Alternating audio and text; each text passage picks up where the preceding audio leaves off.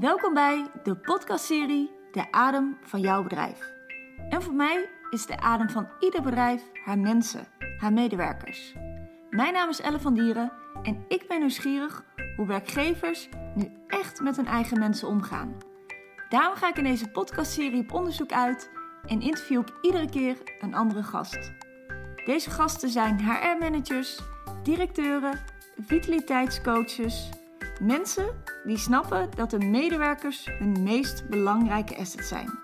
Kortom, een podcastserie over goed werkgeverschap, werkgeluk, vitaliteit, fysieke en mentale gezondheid en aan het werk. Wat voor jou goed om te weten is dat ik naast ondernemer en trainer ook yogadocent en ademcoach ben. Voor nu zou ik daarom zeggen: haal even diep adem, ontspan en geniet van een ruim half uur lang aan inspiratie. Een nieuwe aflevering en weer een nieuwe gast tegenover mij aan tafel. Vandaag is dat Judith Winkel. En ik mag haar omschrijven als holistisch coach. Zij is onder andere docent bij de Academie voor Holistisch Coachen. Healthcheck Company is haar eigen bedrijf. En zij is adviseur HR gericht op duurzame inzetbaarheid bij het Sint Antonius. Nou, dus genoeg um, overeenkomsten hebben wij volgens mij. Ergens zijn we ook allebei in de recruitment begonnen, dus dat is ook nog leuk. Um, maar ik ga het vandaag met Judith hebben over um, goed werkgeverschap, vitaliteit, fysieke en mentale gezondheid van uh, medewerkers. Dus bij deze welkom Judith. Dankjewel. Leuk. Leuk om uh, in jouw eigen coachruimte ook te zitten. Dus dan, dan leer ik je nog iets beter kennen. Dus welkom, uh, bedankt daarvoor. Um, als we het hebben over goed werkgeverschap, om direct maar met een vraag in uh, nou ja, de deur in huis te vallen. Wat is voor jou goed werkgeverschap in drie woorden? Uh, goed werkgeverschap gaat bij mij om bewuste aandacht. Bewuste aandacht voor de medewerker, voor de leidinggevende, voor uh, eigenlijk de onderlinge verhouding die er tussen is en continue dialoog. Het continu met elkaar in gesprek zijn over wat er nodig is, over wat er, wat er is, over wat er eh, in de toekomst mogelijk is. Aandacht en dialoog. Ja. Nou, volgens mij is dat een heel mooi begin van, uh, van deze podcast. Ik zei het net al heel kort, jij komt ook een beetje, je bent ooit, ooit begonnen als incident uh, in de recruitment gezeten. Hoe ben je uiteindelijk op deze thema's gekomen? Hoe, hoe, hoe kom jij op dit, uh, dit onderwerp? Kan je ons daar kort in meenemen? Ja, Um, inderdaad, uh, ooit begonnen als intercedent. En um, nou, vond ik eigenlijk een hele leuke baan. Een ontzettend leuke baan ook om mee te starten in je carrière, vond ik. Is het ook? Ja, je leert er zo ontzettend veel van. En je komt bij zoveel bedrijven, uh, kom je, eh, mag je langskomen, mag je, mag je binnenkijken. Um, het is een hele leerzame uh, omgeving geweest. En ik merkte wel snel dat ik het fijner vond om, om van daaruit toch vanuit de andere kant van het bureau met uh, werving en selectie bezig te zijn. Dus wat meer ook uh, vanuit de grotere organisaties, de corporate organisaties. Ben dus inderdaad, uh, heb de overstap gemaakt naar, naar recruiter. Um, heel erg leuk, maar ik merkte wel heel snel dat ik in de gesprekken geneigd was om wat meer door te vragen dan, dan eigenlijk nodig was. Dus ik was niet alleen maar bezig met ben je geschikt voor deze functie, maar goh, hoe zou dat in elkaar zitten bij deze persoon? en uh, welk gedrag uh, zit hierachter? Um, altijd al wel ergens in mijn achterhoofd gehad van uh, psychologie willen studeren of coaching. Heel erg het gevoel gehad van, nou, er zijn al zoveel coaches. En, hè, wat heb ik erin nog te brengen? Uh, maar dat hele stuk van ontwikkeling van mensen, gedrag van mensen, het mensen in hun kracht zetten, dat is ook de ondertitel onder andere van mijn, uh, van mijn praktijk, ja. is ook in je kracht. Uh, dat bleef zo in me trekken dat ik uiteindelijk besloten heb om de, om de opleiding te gaan doen tot holistisch coach. En um, eigenlijk is dat ook de tijd geweest dat ik op mijn werk heb aangegeven van, goh, bij het Antonius ziekenhuis ook, waar ik toen recruiter was, van oh ja, nou... Ja heel eerlijk, um, ik merk dat ik uh, echt iets anders wil gaan doen. En mijn uh, toenmalige uh, teamhoofd die zei... Ja, er is iets van Sterker Je Werk, een programma. En dat is nieuw. En dat is bij het OLVG is dat gestart, ziekenhuis hè, in Amsterdam. En um, nou, daar gaan we het met elkaar over hebben. In een werkgroep wil jij er anders heen, want ik heb geen tijd. Dus ik dacht, nou, dat klinkt wel leuk. Dus ik ben er naartoe gegaan en ik kwam eigenlijk heel erg verheugd terug. Want er zat echt een opdracht aan vast. En de opdracht was dat Sterker Je Werk, het programma dus om medewerkers vitaal, bekwaam en gemotiveerd te houden.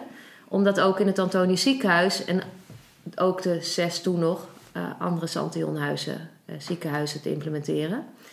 Um, dus zo kwam bij jou eigenlijk vanuit je recruitmentfunctie, kreeg je binnen het Sint-Antonisch ja. ruimte om met, met het, nou ja, toen nog denk ik project sterk in je werk bezig Zeker. En daarnaast dus die opleiding. Dus in één keer kwam alles samen van, oh, wat ik dus echt heel leuk vind, is mensen in hun kracht zetten. Ja. Dat kon ik dus gaan doen vanuit de coaching in de opleiding en dus op het werk. En daar is eigenlijk ja, voor mij echt een wereld open gegaan en een pad opgegaan waarvan ik alleen maar enthousiaster ben geworden en alleen maar heel veel energie uit ben gaan halen. Ja. ja. Wat mooi. En je combineert eigenlijk op dit moment die verschillende ja. functies. Ze zeggen dan tegenwoordig dat je een slashy bent. Als je meerdere functies hebt oh. met allemaal slash. Oh, oké. Ik word soms ook een beetje zo getypeerd dat mensen denken, wat, wat doe je allemaal veel? Um, we hadden het er net al over. Hè? Ja. Het lijkt heel druk en ambitieus, maar als je een thema of iets hebt wat natuurlijk echt zo dicht bij je eigen waarden en drijfveren ja, liggen, dan voelt het soms niet als werken. Um, maar hoe, hoe, ziet jouw werkweek eruit? Hoe is dat verdeeld tussen al die verschillende nou ja, titels achter je naam? Ja, dat is een goede. Um, nou, het lesgeven wat ik doe, dat is, uh, nou, laten we zeggen, maximaal vier keer per maand. Dat is dan een dag. Um, dus dat is in principe, als ik dat heb, kan ook in het weekend zijn, maar is dat in ieder geval één dag, is dan wel daar, besteed ik daaraan. Ja. Dat is voor de Academie Voor de Academie voor Holistisch Coach. Dus daar leid ik zeg maar op het gebied van stress, ademhaling en ontspanning. Ja. Aanstaande coaches op om dat ook mee te nemen in hun coaching. Ja. Um, daarnaast werk ik dan 16 uur bij het ziekenhuis uh, in die adviseursrol. Ja. En um, eigenlijk de overige uren die er, nog, die er nog beschikbaar zijn, die plan ik in met, uh, met cliënten. Die, uh, die dus bij hier, bij mijn huis in de praktijk komen. En een coachvraag hebben of een hulpvraag. Ja, en dat is dus echt één op één coaching. Dat is één op één coaching, ja. Ja. ja. ja.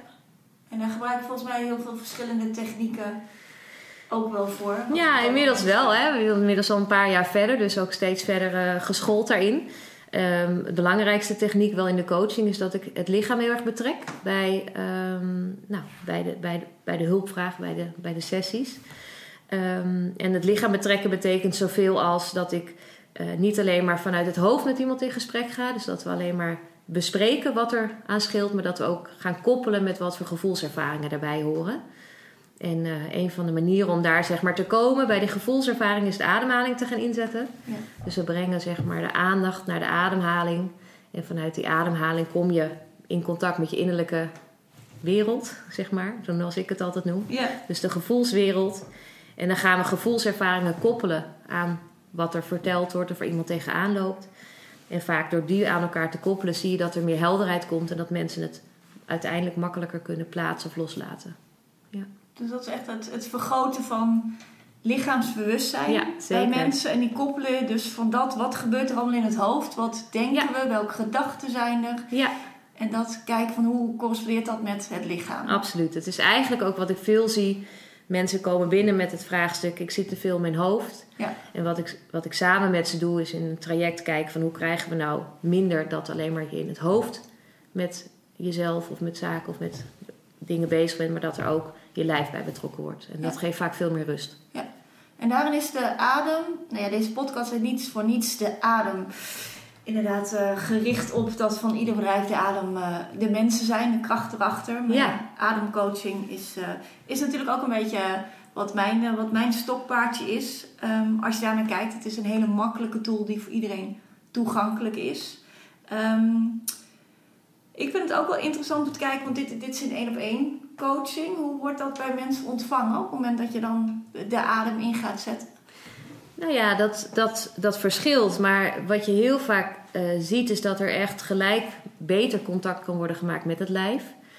Um, dat er uh, veel helderder gevoeld wordt wat er, wat er zit. En door daar naartoe te gaan, dus ook makkelijker, wat ik al zei, kan worden geuit of kan worden losgelaten. Dan heb ik het echt wel over boosheid of verdriet. Um, en je ziet soms ook dat mensen denken: oh, even niet. Dan komt het iets te dichtbij. Dan zie je dat ze het heel even nog van zich afhouden. Uh, en als het wel lukt, wordt het heel vaak als een enorme opluchting ervaren, maar ook als een enorme erkenning.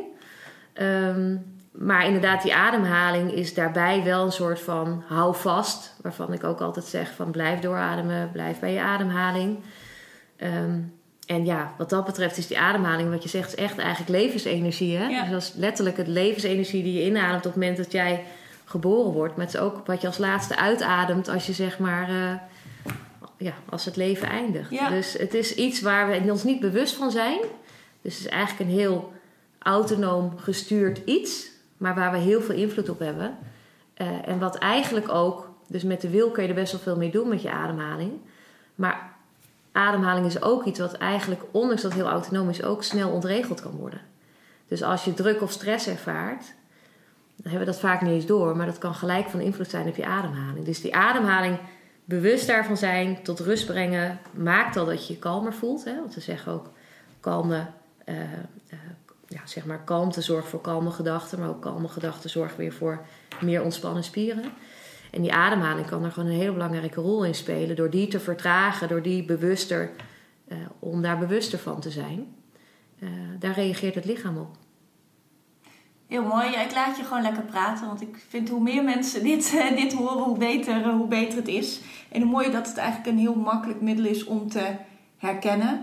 Weet je wat jij zegt? Soms is het al heel simpel hè, om te kijken: goh, zit de ademhaling hoog in de borst? Weet je, die laag in de buik? Adem je door je neus? Adem door je mond? Het kan heel makkelijk wat signalen geven voor Ja, op dat moment de energie waar je in zit of je gemoedstoestand. Ja, en het leuke is ook, want eh, wat, ik al, hè, wat we dan ook doseren zeg maar, op de academie, ik doe dat niet als enige. Eh, dat gaat dus ook over stress, hè, want het module Ja. heet stress, ademhaling en ontspanning. Ja.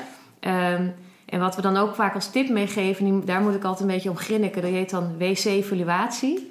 Dat betekent, en dat is echt een oprechte, eh, eh, een oprechte interventie in de stresscoaching. Dat betekent eigenlijk dat je evalueert op de wc. Oh ja, oké. En nu we wat meer thuiswerken met z'n allen, kan je wat makkelijker zeggen: Oké, ik stap even van mijn, eh, van mijn werkplek weg en ik ga even bewust voelen hoe gaat het eigenlijk met me? Hoe zit het met mijn adem? Adem ik oppervlakkig, adem ik hoog? Of adem ik juist diep en ben ik, hè, is die rustig? Daar kan je wat aan afleiden. Dus als die wat hoger zit, nou misschien heb je wat stress. En dan kan het wel helpen om even die ademhaling weer tot rust te brengen. Ja.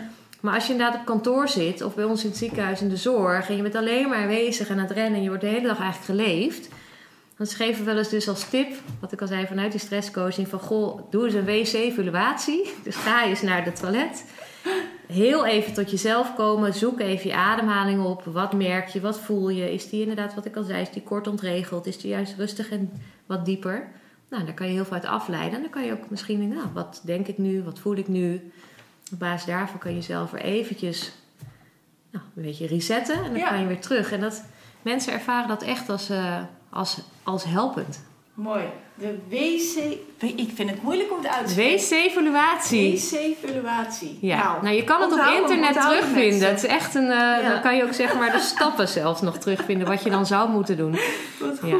Nou, dit is volgens mij wel heel waardevol om allemaal eh, te delen. En het is denk ik heel leuk voor de luisteraar om ook de stap te maken naar het Sint-Antonius. Ja. Dus echt eens kijken binnen de zorg, op de werkvloer. Ehm, ja, wat, wat doe je eigenlijk allemaal onder het kopje goed werkgeverschap en vitaliteit? Ik ehm, weet van jou, we hebben elkaar natuurlijk al gesproken dat dat, eh, dat, dat veel is. Ehm, ik weet niet of iedereen nu heel lang daar op de wc zit om de hele tijd die evaluatie te doen. Ehm, maar ik denk dat daar meer dingen gebeuren. Het heeft een overkoepelende naam, Sterk in je werk. Ja.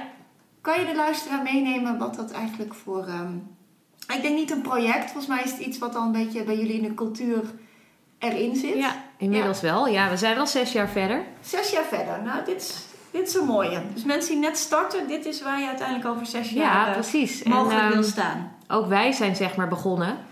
Eh, dus zes jaar geleden, wat ik al vertelde, dat ik naar die werkgroep ging en dat vanuit Santion ziekenhuizen, dat zijn inmiddels eh, acht ziekenhuizen die verbonden zijn. Ehm, en ehm, die allemaal, en daar is onder andere dus dat Antonius onderdeel van, inderdaad die opdracht kregen: ga maar aan de slag met sterk in je werk. En toen dacht ik nog van oké, dat gaat dus echt over medewerkers in hun kracht zetten. Dat gaat over vitaal, bekwaam, gemotiveerd.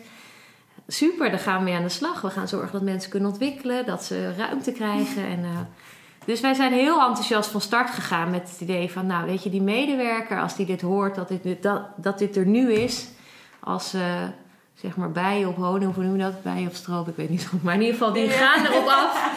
En die, eh, die, eh, gaan, eh, die gaan helemaal los. Die zijn zo blij dat, dat dit er nu is. Ehm, Maar dat kostte toch iets meer tijd. Dus we boden wel van alles aan. En we hadden echt het idee van, nou, we hadden campagnes waarbij we dan vertelden over sterk je werk. We deden uitdeelacties. We, we gebruikten het intranet. We hadden flyers. We hadden van alles en nog wat. Uh, promotie maken, journaals. Nou, en we dachten, nou, dan zal je zien dat mensen allemaal uh, wel aankloppen en vragen: Oh, is er nog meer van? En dat bleek toch wat lastiger dan we dachten. We merkten wel dat mensen wat sceptisch waren. Ja, zit dan niet het zoveelste project wat bezig gaat met duurzame inzetbaarheid. Hè? Ja. En dan was duurzame inzetbaarheid ook nog een term wat dan een beetje echt als een HR-term werd gezien. Van ja, nou ja, wat, wat zegt dat dan? Um, dus in het begin hebben we daar best wel, en ik zeg we omdat we dat samen hebben gedaan uh, met onder andere In Health. Dat is een, uh, een adviesbureau op het gebied van gezondheidsmanagement. Ja. En um, zij hebben eigenlijk hun kennis en expertise vanuit buiten mee naar binnen gebracht. En hebben samen met mij de rol van een soort van externe projectleider, in, door hun en ik dan interne projectleider, hebben we dat samen vormgegeven. Ja. Um, nou, dus daar zijn we eigenlijk mee begonnen en gestart. En uh, na, ja, na een jaar merkten van, goh, is dit het dan wel? En zitten we wel op de goede weg? Um, nou, ik moet zeggen, uh, wat heel erg heeft geholpen is dat wij zowel in health als ik, als HR en destijds ook mijn manager, uh, er heel veel vertrouwen in had. En um, wij enorme drive op dit onderwerp hadden zitten en eigenlijk daarin niet wilden opgeven. Dus... Want wat, je stond op het punt wat je zegt, want ik denk dat heel veel bedrijven dat doen. Hè? Weet je, je gaat dingen organiseren en campagnes en aanbod, maar je merkt na een jaar er gebeurt iets, maar er bleef wat, wat ja, sceptisch. was minder, minder deelname Ja. ook dan je denkt Ja. en hoopt. En, ja, eh, nou ja, En dan precies. sta je dus na een jaar op zo'n punt van: oké, wat, wat gaan we nu doen? Nou ja, het vertrouwen wat je zegt bij Inheld, bij, vanuit management, vanuit jou was er. Ehm, en toen? Nou ja, als je het hebt over adem, dat vraagt dus echt een lange adem. ja, maar serieus. Heel goed Dus- ja, het vroeg echt een lange adem. Want het ging echt over. Wij waren zo gedreven, zo overtuigd van het feit dat dit belangrijk is. Dat zeg maar mensen, ehm, nou inderdaad, die ruimte krijgen om te ontwikkelen. Dat ze de ruimte krijgen om met de vitaliteit bezig te zijn. Dat het belangrijk is dat je bezig bent. Nou ja, als je kijkt naar de lifestyle component als voeding, beweging, eh, ontspanning. Dat dat echt iets is waar mensen, als ze, als ze dat meer eigen maken, daar bewust mee bezig zijn, zich waarschijnlijk ook langer fit en vitaal voelen. Nou, dat soort drijfveren zorgden ervoor dat we elke keer dachten: oké, maar wat kunnen we doen om de mensen wel te bereiken? Ja, Ehm, nou, en uiteindelijk kwamen we op een niveau. En ik moet ook zeggen, de eerste jaren hebben we ook echt wel eens een projectorganisatie ingericht. We zijn Ja. echt wel met stuurgroepen, klankbordgroepen bezig geweest. We hebben ambassadeursgroepen ingericht, dus ook ambassadeurs vanuit de werkvloer. Ehm, die we dan, eh, zeg maar, eh, eh, in de vorm van bijeenkomsten met elkaar in gesprek gingen over: Goh, wat haal je nou op vanuit die werkvloer? Dit komt vanuit HR, dit komt vanuit Sterker je werk. Ehm, nou, hoe krijgen, we dit, hoe krijgen we dit samen? Hoe zorgen we Ja. dat jullie informatie bij ons meegenomen wordt, dat onze informatie mee naar jullie afdeling wordt dus genomen? niet alleen iets wat zeg maar, op, op Nee. mensenniveau wordt bedacht, maar Nee. juist in gesprek gaan met de werkvloer om te kijken van wat is de wens, wat is de vraag. Nou ja, en het interessante is natuurlijk, kijk, eigenlijk is de allereerste weerstand die je al krijgt van ja, is dit niet gewoon een HR-feestje? Ja, En, ehm, nou, en dan moet ik wel zeggen dat ehm, dat nooit zo, zo gevoeld heeft. Want ook eh, de raad van bestuur was er van het begin af aan al bij, bij betrokken. Zat ook in de stuurgroep. Ehm, maar goed, dat neemt niet weg. Dat soort, dus daar ben je vooral in het begin mee bezig. Ja. Met al die gevoelens van en al die opmerkingen, weerstanden van... Goh, gaat dit mij dan nu wat brengen? ja. En what's in it for me? Hè? Dat is eigenlijk altijd de basisvraag ook voor mensen. What's in it for me? Ehm, maar goed, uiteindelijk hadden we langzaam zeker merkten we wel van... hé, hey, het wordt steeds bekender die naam. Het werd een mooie merknaam eigenlijk. En Ja. alles wat we deden, wat maar enigszins betrekking had op het inzetbaar houden van medewerkers... het gezond houden van medewerkers, vitaal houden van medewerkers... kreeg in één keer een soort van kapstok sterk Ja. in je werk. Dus we merkten op een gegeven moment wel de kracht van zo'n merknaam...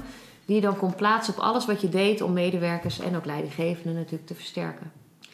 Ehm, ik moet zeggen dat we daar ongeveer vijf jaar wel zo op die manier mee bezig zijn geweest. Gewoon rustig aan uitbreiden, steeds meer een plek verwerven in de organisatie. En toen maart vorig jaar, toen kwam natuurlijk corona.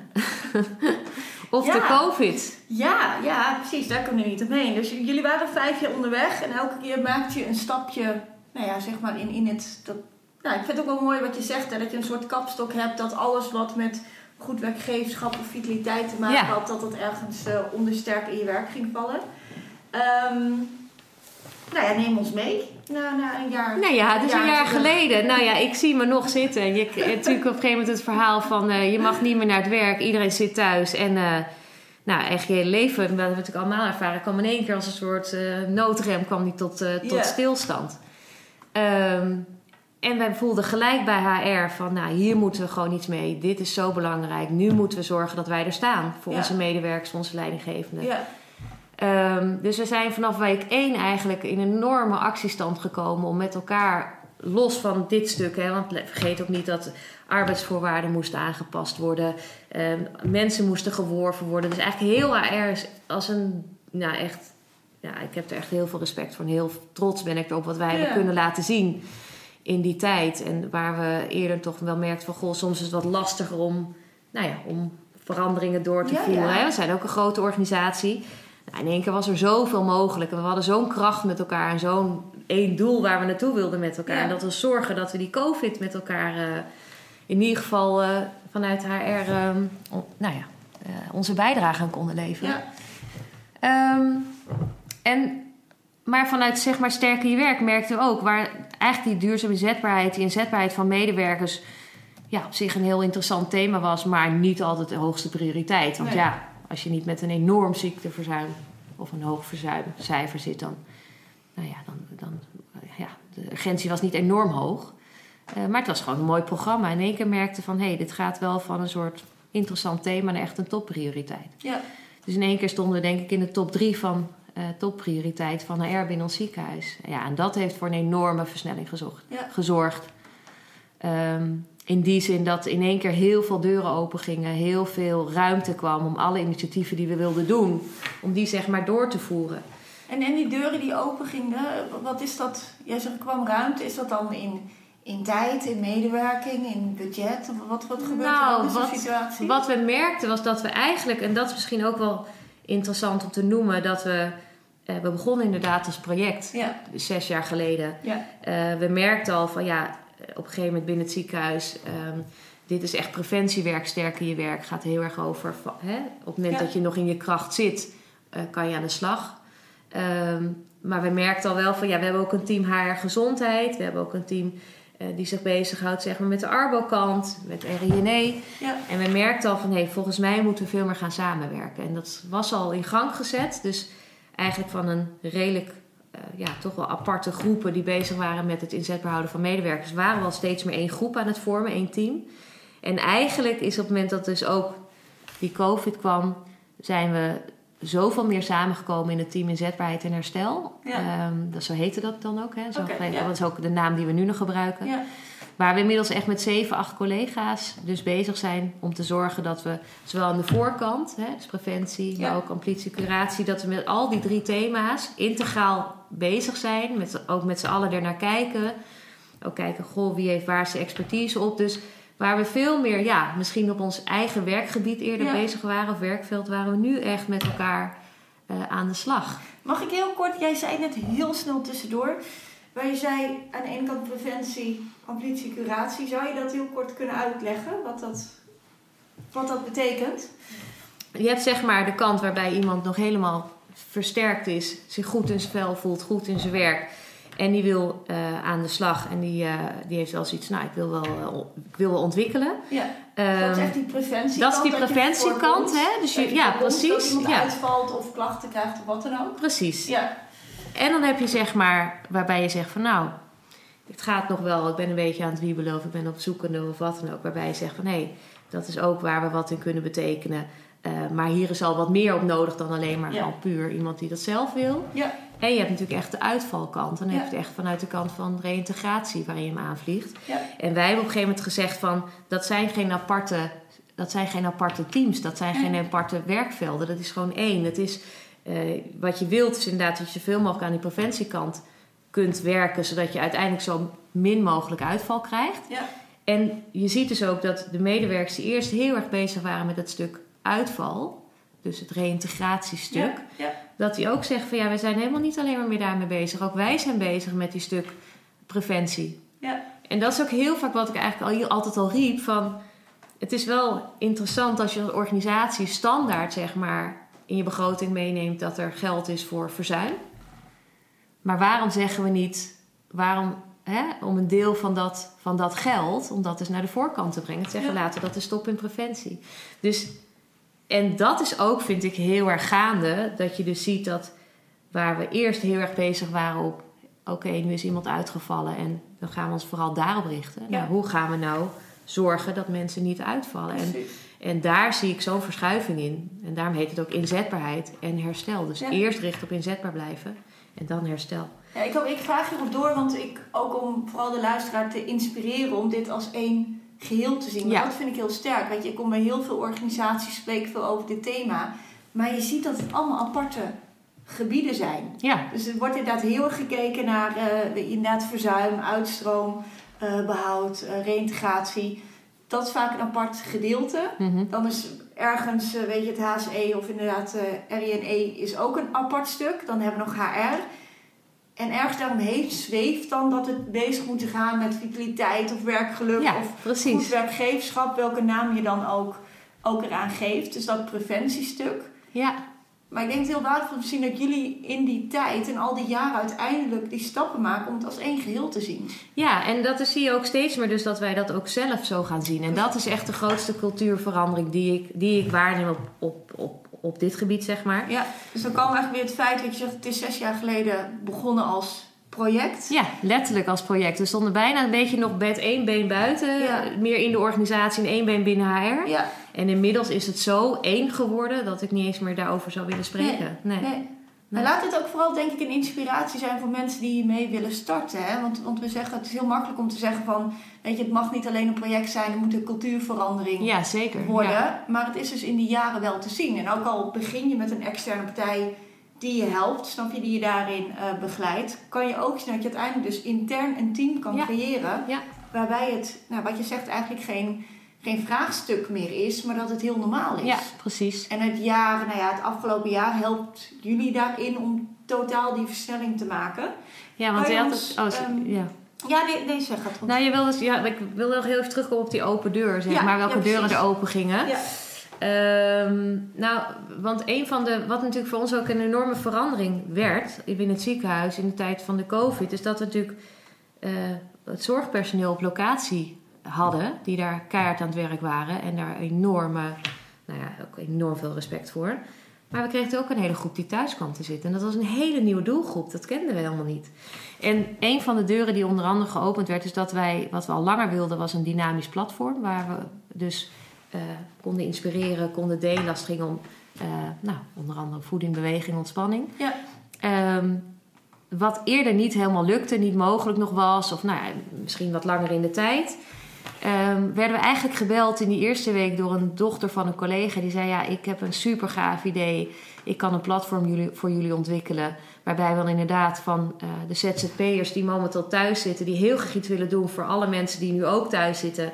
Ehm, daar kunnen we filmpjes gaan posten over eh, ontspanning, yoga of eh, mindfulness of eh, juist iets over beweging. Ehm, staan jullie daarvoor open dat we dat platform voor jullie ontwikkelen? En toen hebben wij eigenlijk, omdat het kon, hebben we gezegd: ja, dat willen we heel graag. Want ook om die thuiswerkers die normaal op locatie interventies deden, Ja. die wilden we ook zo graag aangesloten houden en bereiken. En zo is eigenlijk dat antoniusfit.nl ontstaan, hè, Ja. waar we het ook over hadden. ja, dat is gewoon En- een platform wat openbaar is. Ja. Ik zat er vanochtend nog lekker even op te kijken. Dus wil je inspiratie, ga gewoon naar antoniusfit.nl. En eh, heel, een mooi voorbeeld denk ik van een, een digitaal platform om je zeker. medewerkers aan te bieden. Ja, ja. En, en het leuke eraan is zeg maar, van Antonius Fit is dat ehm, waar we begonnen met, nou dan maken een soort van dagprogramma voor die mensen die thuis zitten. Dan kunnen ze bij spreken 9 uur inloggen om eh, mee te doen met een, eh, een actieve ochtendsessie. En dan smiddags doen we een stukje eh, over voeding en s'avonds een soort van afsluiting met meditatie. Hadden we echt een programma. En inmiddels merken we ook dat dat niet meer zo, zo het niet meer per dag elke keer gevuld wordt. Maar er komt elke dag inspiratie op. Maar dat kan veel breder zijn. En inmiddels delen we ook gewoon informatie van onze eigen afdeling vanuit HR. We hebben bijvoorbeeld een e-magazine laten ontwikkelen met alle flyers die we hebben uitgebracht de afgelopen jaar. Ja. Als het gaat over eh buddy systeem of over. Nou, hoe zorg je nou dat je dat je, eh, je nek en schouders ontspannen houdt als je continu achter je bureau zit. Dus dat zijn. En dat, dus het werd een veel breder eh, platform waar we zoveel konden plaatsen wat we wat we wilden delen. En ja, ook dat wordt, vind ik, wel heel goed ontvangen.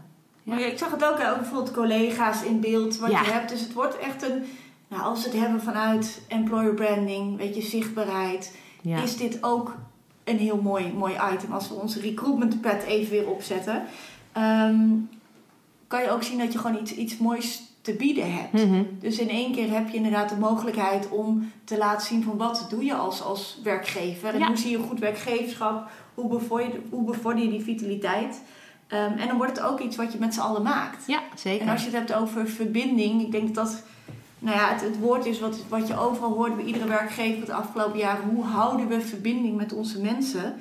Is samen zo'n platform maken. Mm -hmm. juist van de mensen die thuis zitten, die iets te bieden hebben. Ten opzichte van de mensen die dit nodig hebben. Ja, zeker. Samen collega's in beeld. Ja, hoeft soms verbinding maken niet, niet zo moeilijk te zijn als dat we denken. Nou ja, het is echt te gek ook als je merkt van hoeveel er ook voor en door collega's wordt gedaan. Niet alleen collega's in beeld, maar ik heb bijvoorbeeld een collega die werkte bij uh, communicatie. Inmiddels werkt ze samen met mij binnen Sterker Je Werk. En zij is mindfulness trainer. En naast zeg maar dat ze met mij Sterker Je Werk vorm geeft, uh, geeft ze ook mindfulness trainingen en mindfulness uh, webinars. En um, nou, zo kan ik er nog noemen over Ayurveda. Dan kan ik nog iemand noemen die bezig is met echt een lifestyle program. Voor 15 weken lang bezig zijn met je, zeg maar tiny habits, dus kleine gewoontes veranderen. hè? Dus met water drinken, uh, een week lang letten Routines, dat je... ja, een hele belangrijke. maar dat zijn allemaal collega's die zeg maar dat naast hun werk als interesse hebben of een opleiding hebben gedaan. En we merken dus ook dat we steeds meer van dat soort berichten krijgen. Van hé, hey, ik ken een collega of ikzelf. Of kan ik ook wat betekenen voor dit programma. Waardoor je het niet allemaal van buiten hoeft te halen. Heel vaak zit dat talent gewoon al in je eigen organisatie. Zeker. En dat kan je zo zeg maar uh, aanwakkeren. En ik moet zeggen, ja, ik merk dat er heel veel verbinding door ontstaat. En wat ik ook heb gemerkt de afgelopen jaar. En dat is iets waarbij ik merkte dat we nou ja, ook dat we echt merken van hier wordt zo goed op gereageerd, dan heb ik het echt over challenges. Dus um, bijvoorbeeld september doen wij mee als organisatie. Dat is dan elke dag 10.000 stappen zetten. Ja. Uh, nou, dat doen echt, uh, ik, nou, volgens mij van één afdeling deden er al 10 teams mee. Nou, die hebben dan allemaal onderling dat ze continu, hè, waar sta jij? En in hun eigen nieuwsbrieven hebben ze ook per afdeling worden dan de standen bijgehouden. Oh, ja. We hebben een Valentijnsrun gedaan, waarbij we zeiden: je mag wandelen, je mag uh, fietsen, je mag lopen wat je wil. Maar iedereen krijgt een hartje wat licht geeft. Die sturen we op en die mag je op je, op je trui of waar dan ook uh, uh, hangen. En nou, daar hadden we volgens mij 400 deelnemers. 400 van die hartjes hebben we verstuurd. En um, dus dat zeg maar, dat, dat met elkaar, ook al is het dan op je eigen plek, want hè, ieder loopt en wandelt op zijn eigen, in zijn eigen omgeving. Ja. Maar alleen dat idee al, en dan weer foto's met elkaar delen op dan weer social media, wat gekoppeld is aan Antonius Fit, ja, daaraan merk je gewoon dat er ja, dat er heel goed op gereageerd wordt en dat er echt behoefte aan is. Zeker in deze tijd. Ja. ja. Dan kan challenge dus ook weer een mooi voorbeeld zijn. Hè? Om inderdaad samen uitgedaagd te worden. Toch ja. als team. Zeker. een bepaalde prestatie en iedereen op zijn eigen plek. Dus ja. dat, nou ja, als je het hebt over, uh, over binding, is dat volgens mij uh, prachtig. Um, we zitten al uh, op een ruim half uur. Dus ik, ik, ik hoor zoveel mooie dingen. Ik ben nog wel benieuwd, een beetje richting de afsluiting. Mm -hmm. als, als nu um, werkgevers luisteren, wat zou jij nog voor tip geven om hiermee te starten? Want, nou ja, wat je zegt, weet, jij bent inmiddels, zijn jullie met als team zes jaar verder. En ja. nu zie je inderdaad uh, eigenlijk de resultaten en, en wat het doet met een bedrijf. En ja. hoe je dit in je cultuur kan, uh, ja, kan verwerken. Ja. Maar als je hier nu mee gaat starten, wat zou dan jouw tip zijn? Nou, dat zijn er eigenlijk twee ik, ik denk dat het heel goed is om te beseffen dat het echt gaat over een cultuur die je wilt uitdragen als organisatie. En we noemen het ook wel eens, uh, uh, zeg maar, waarom doe je het? Waarom vind je het belangrijk? Dat je daar wel over nadenkt. En dat je niet alleen maar richt op de, noemen wij dan ook wel, weet je, de spiegeltjes en de kraaltjes. Van nou, we hebben een leuke workshop. En we hebben af en toe even een leuke, nou, iets anders wat dan met, met iets te maken heeft als het op, op vitaliteit gaat. En dat, Ja. ja, met alle respect gooien we af en toe een beetje de organisatie in. En dan zien we wel of mensen reageren of niet. En dat je merkt dat er geen lijn in zit. Dus ik denk dat het echt het, het plaatsen van wat je doet, het plotten van wat je doet onder een groter thema. Vanuit echt een bewuste keuze die je maakt als organisatie. Dat je vitaliteit belangrijk vindt. Ik denk dat dat heel erg bijdraagt. Dus, dat is en ook, wel een strategische keuze. Om, om echt een strategische keuze. En ook wel dat je dan ook vanuit dat management of vanuit eigenaar, wie dat dan ook is, ook uitstraalt dat jij het ook heel belangrijk vindt. Want dat wordt ook gevoeld. Eh, oh, als, als, als ik zie dat mijn directeur of mijn manager of wie dan ook hiermee bezig is en, da- en dat belangrijk vindt, dan mag ik dat mezelf dus blijkbaar ook toestaan. En dan Ja. mag dat blijkbaar hier. En Ja. dan zie je ook snel dat mensen ook makkelijker daarin meegaan. En wat ik eh, ook als tip zou meegeven is: ehm, maak het echt onderdeel van iemands functie en geen een van de taken. Maar eigenlijk zou ik willen adviseren: zet er echt iemand specifiek dedicated op. Die bezig gaat met het thema inzetbaarheid of vitaliteit of duurzaam inzetbaarheid, welke term je er ook aan geeft. Ehm, omdat ik zie dat op het moment dat het een, een van de taken is, het is natuurlijk iets wat heel veel proactiviteit vraagt. Dus je moet heel erg, eh, het is niet waar per se om gevraagd wordt, dus je moet zelf heel veel ontwikkelen. Ja. En op het moment dat jij dat als taak erbij hebt en je hebt daarnaast ook nog een eenheid of een klant of een afdeling waar je als HR mee bezig bent en daar komen vragen van, zullen die in dat geval bijna altijd voorrang krijgen bovenop dat stuk, waardoor je elke misschien aan het eind van de week merkt, oh, toch weer niet aan toegekomen. En dan wordt het meer een sluitpost dan dat het echt een van de prioriteiten is die je als HR stelt. Dus maak er echt wel een, echt wel een hot topic van, hè? Groot, echt een groot onderwerp. En koppel daar ook echt iemand dan dedicated aan. In ieder geval een aantal uur. Ja. ja, ik denk dat het sterke in je werk, ik zeg, weet je, die, die kapstok die er uiteindelijk hangt, dat dat Mhm. dan een belangrijke is. En ja, het dedicated, maar dat betekent ook gewoon dat mensen echt tijd hiervoor Ja. in een functie ehm, mogen regelen. Want het is heel vaak, weet je, ik had vorige week ook weer een HR-adviseur en die was dan een well-being week aan het regelen. En ja, weet je, ik doe het er allemaal even bij. Dus eh, dat moest snel, snel even gedaan worden. Ehm, maar ook dat, weet je, reserveer er ook letterlijk aantal uren tijd voor. Een beetje maken FTE voor vrij. Ja, zeker. Om te zorgen dat dit eh, iets is. En ehm, de lange adem. Ja, zeker. De lange adem. Dat is het absoluut. Maar ook hier zie je weer wat het oplevert als Ja. jij eh, met die lange adem en met voldoende aandacht en in dialoog met zo'n programma aan de Ja. slag gaat. Ja, Dan levert het uiteindelijk echt resultaat op. ja. Wat goed. Goed om te horen. Hey, ik wil jou bedanken voor eh, ruim een half uur lang aan inspiratie. Ehm, mooie voorbeelden. Het sterkt mij heel erg om te horen dat er een organisatie is die dit ergens als project en inmiddels zes jaar verder dat in de cultuur heeft weten te omarmen. Ehm, dus ik hoop dat de luisteraar ook inderdaad eh, versterkt om, om de lange adem en het doorzettingsvermogen en, en de verbinding met mensen te vergroten onder dit thema. Ja, en als mensen daar meer over, of over willen sparren of wat informatie willen, kunnen ze hem altijd eh, opzoeken op LinkedIn of via- Facebook. Dat maakt niet zoveel uit. Nee. Ehm, en dan eh, ga ik heel graag in gesprek om eens te kijken van goh, wat, nou, om elkaar erin te inspireren ook. Ja, mooi, mooi aanbod. Want dat is het ook vooral. En dat is ook een beetje de achterliggende gedachte van deze podcast. Van hoe kunnen we zoveel mogelijk verhalen vertellen van mensen die ermee bezig zijn om elkaar te inspireren. En weten elkaar daar juist in te vinden. Want als jij al zes jaar hiermee bezig bent en iemand anders start, dan, eh, dan is die link makkelijk gelegd. Precies. Mooi. hey, dankjewel. En, ja, ehm, wederzijds. Dat is graag. leuk. Ja, dat was, was zeker leuk. Was- nou, Ja. En eh, ja, in het begin was het nog een beetje spannend misschien, maar uiteindelijk valt het altijd wel, eh, wel mee. Heel bedankt. En ehm, als luisteraar bedankt voor weer ja, deze aflevering te luisteren. En ehm, ik zou zeggen tot, tot de volgende keer. Bedankt voor het luisteren van deze aflevering van de podcastserie De Adem van jouw bedrijf. En in deze titel zit niet voor niets het woordje adem. Want wil je weten wat ademwerk voor jou en voor je medewerkers kan betekenen op de werkvloer? Neem dan vooral even een kijkje op mijn website www.ellevandieren.nl Ik zie je graag daar, maar ook weer in de volgende podcastaflevering. Tot dan!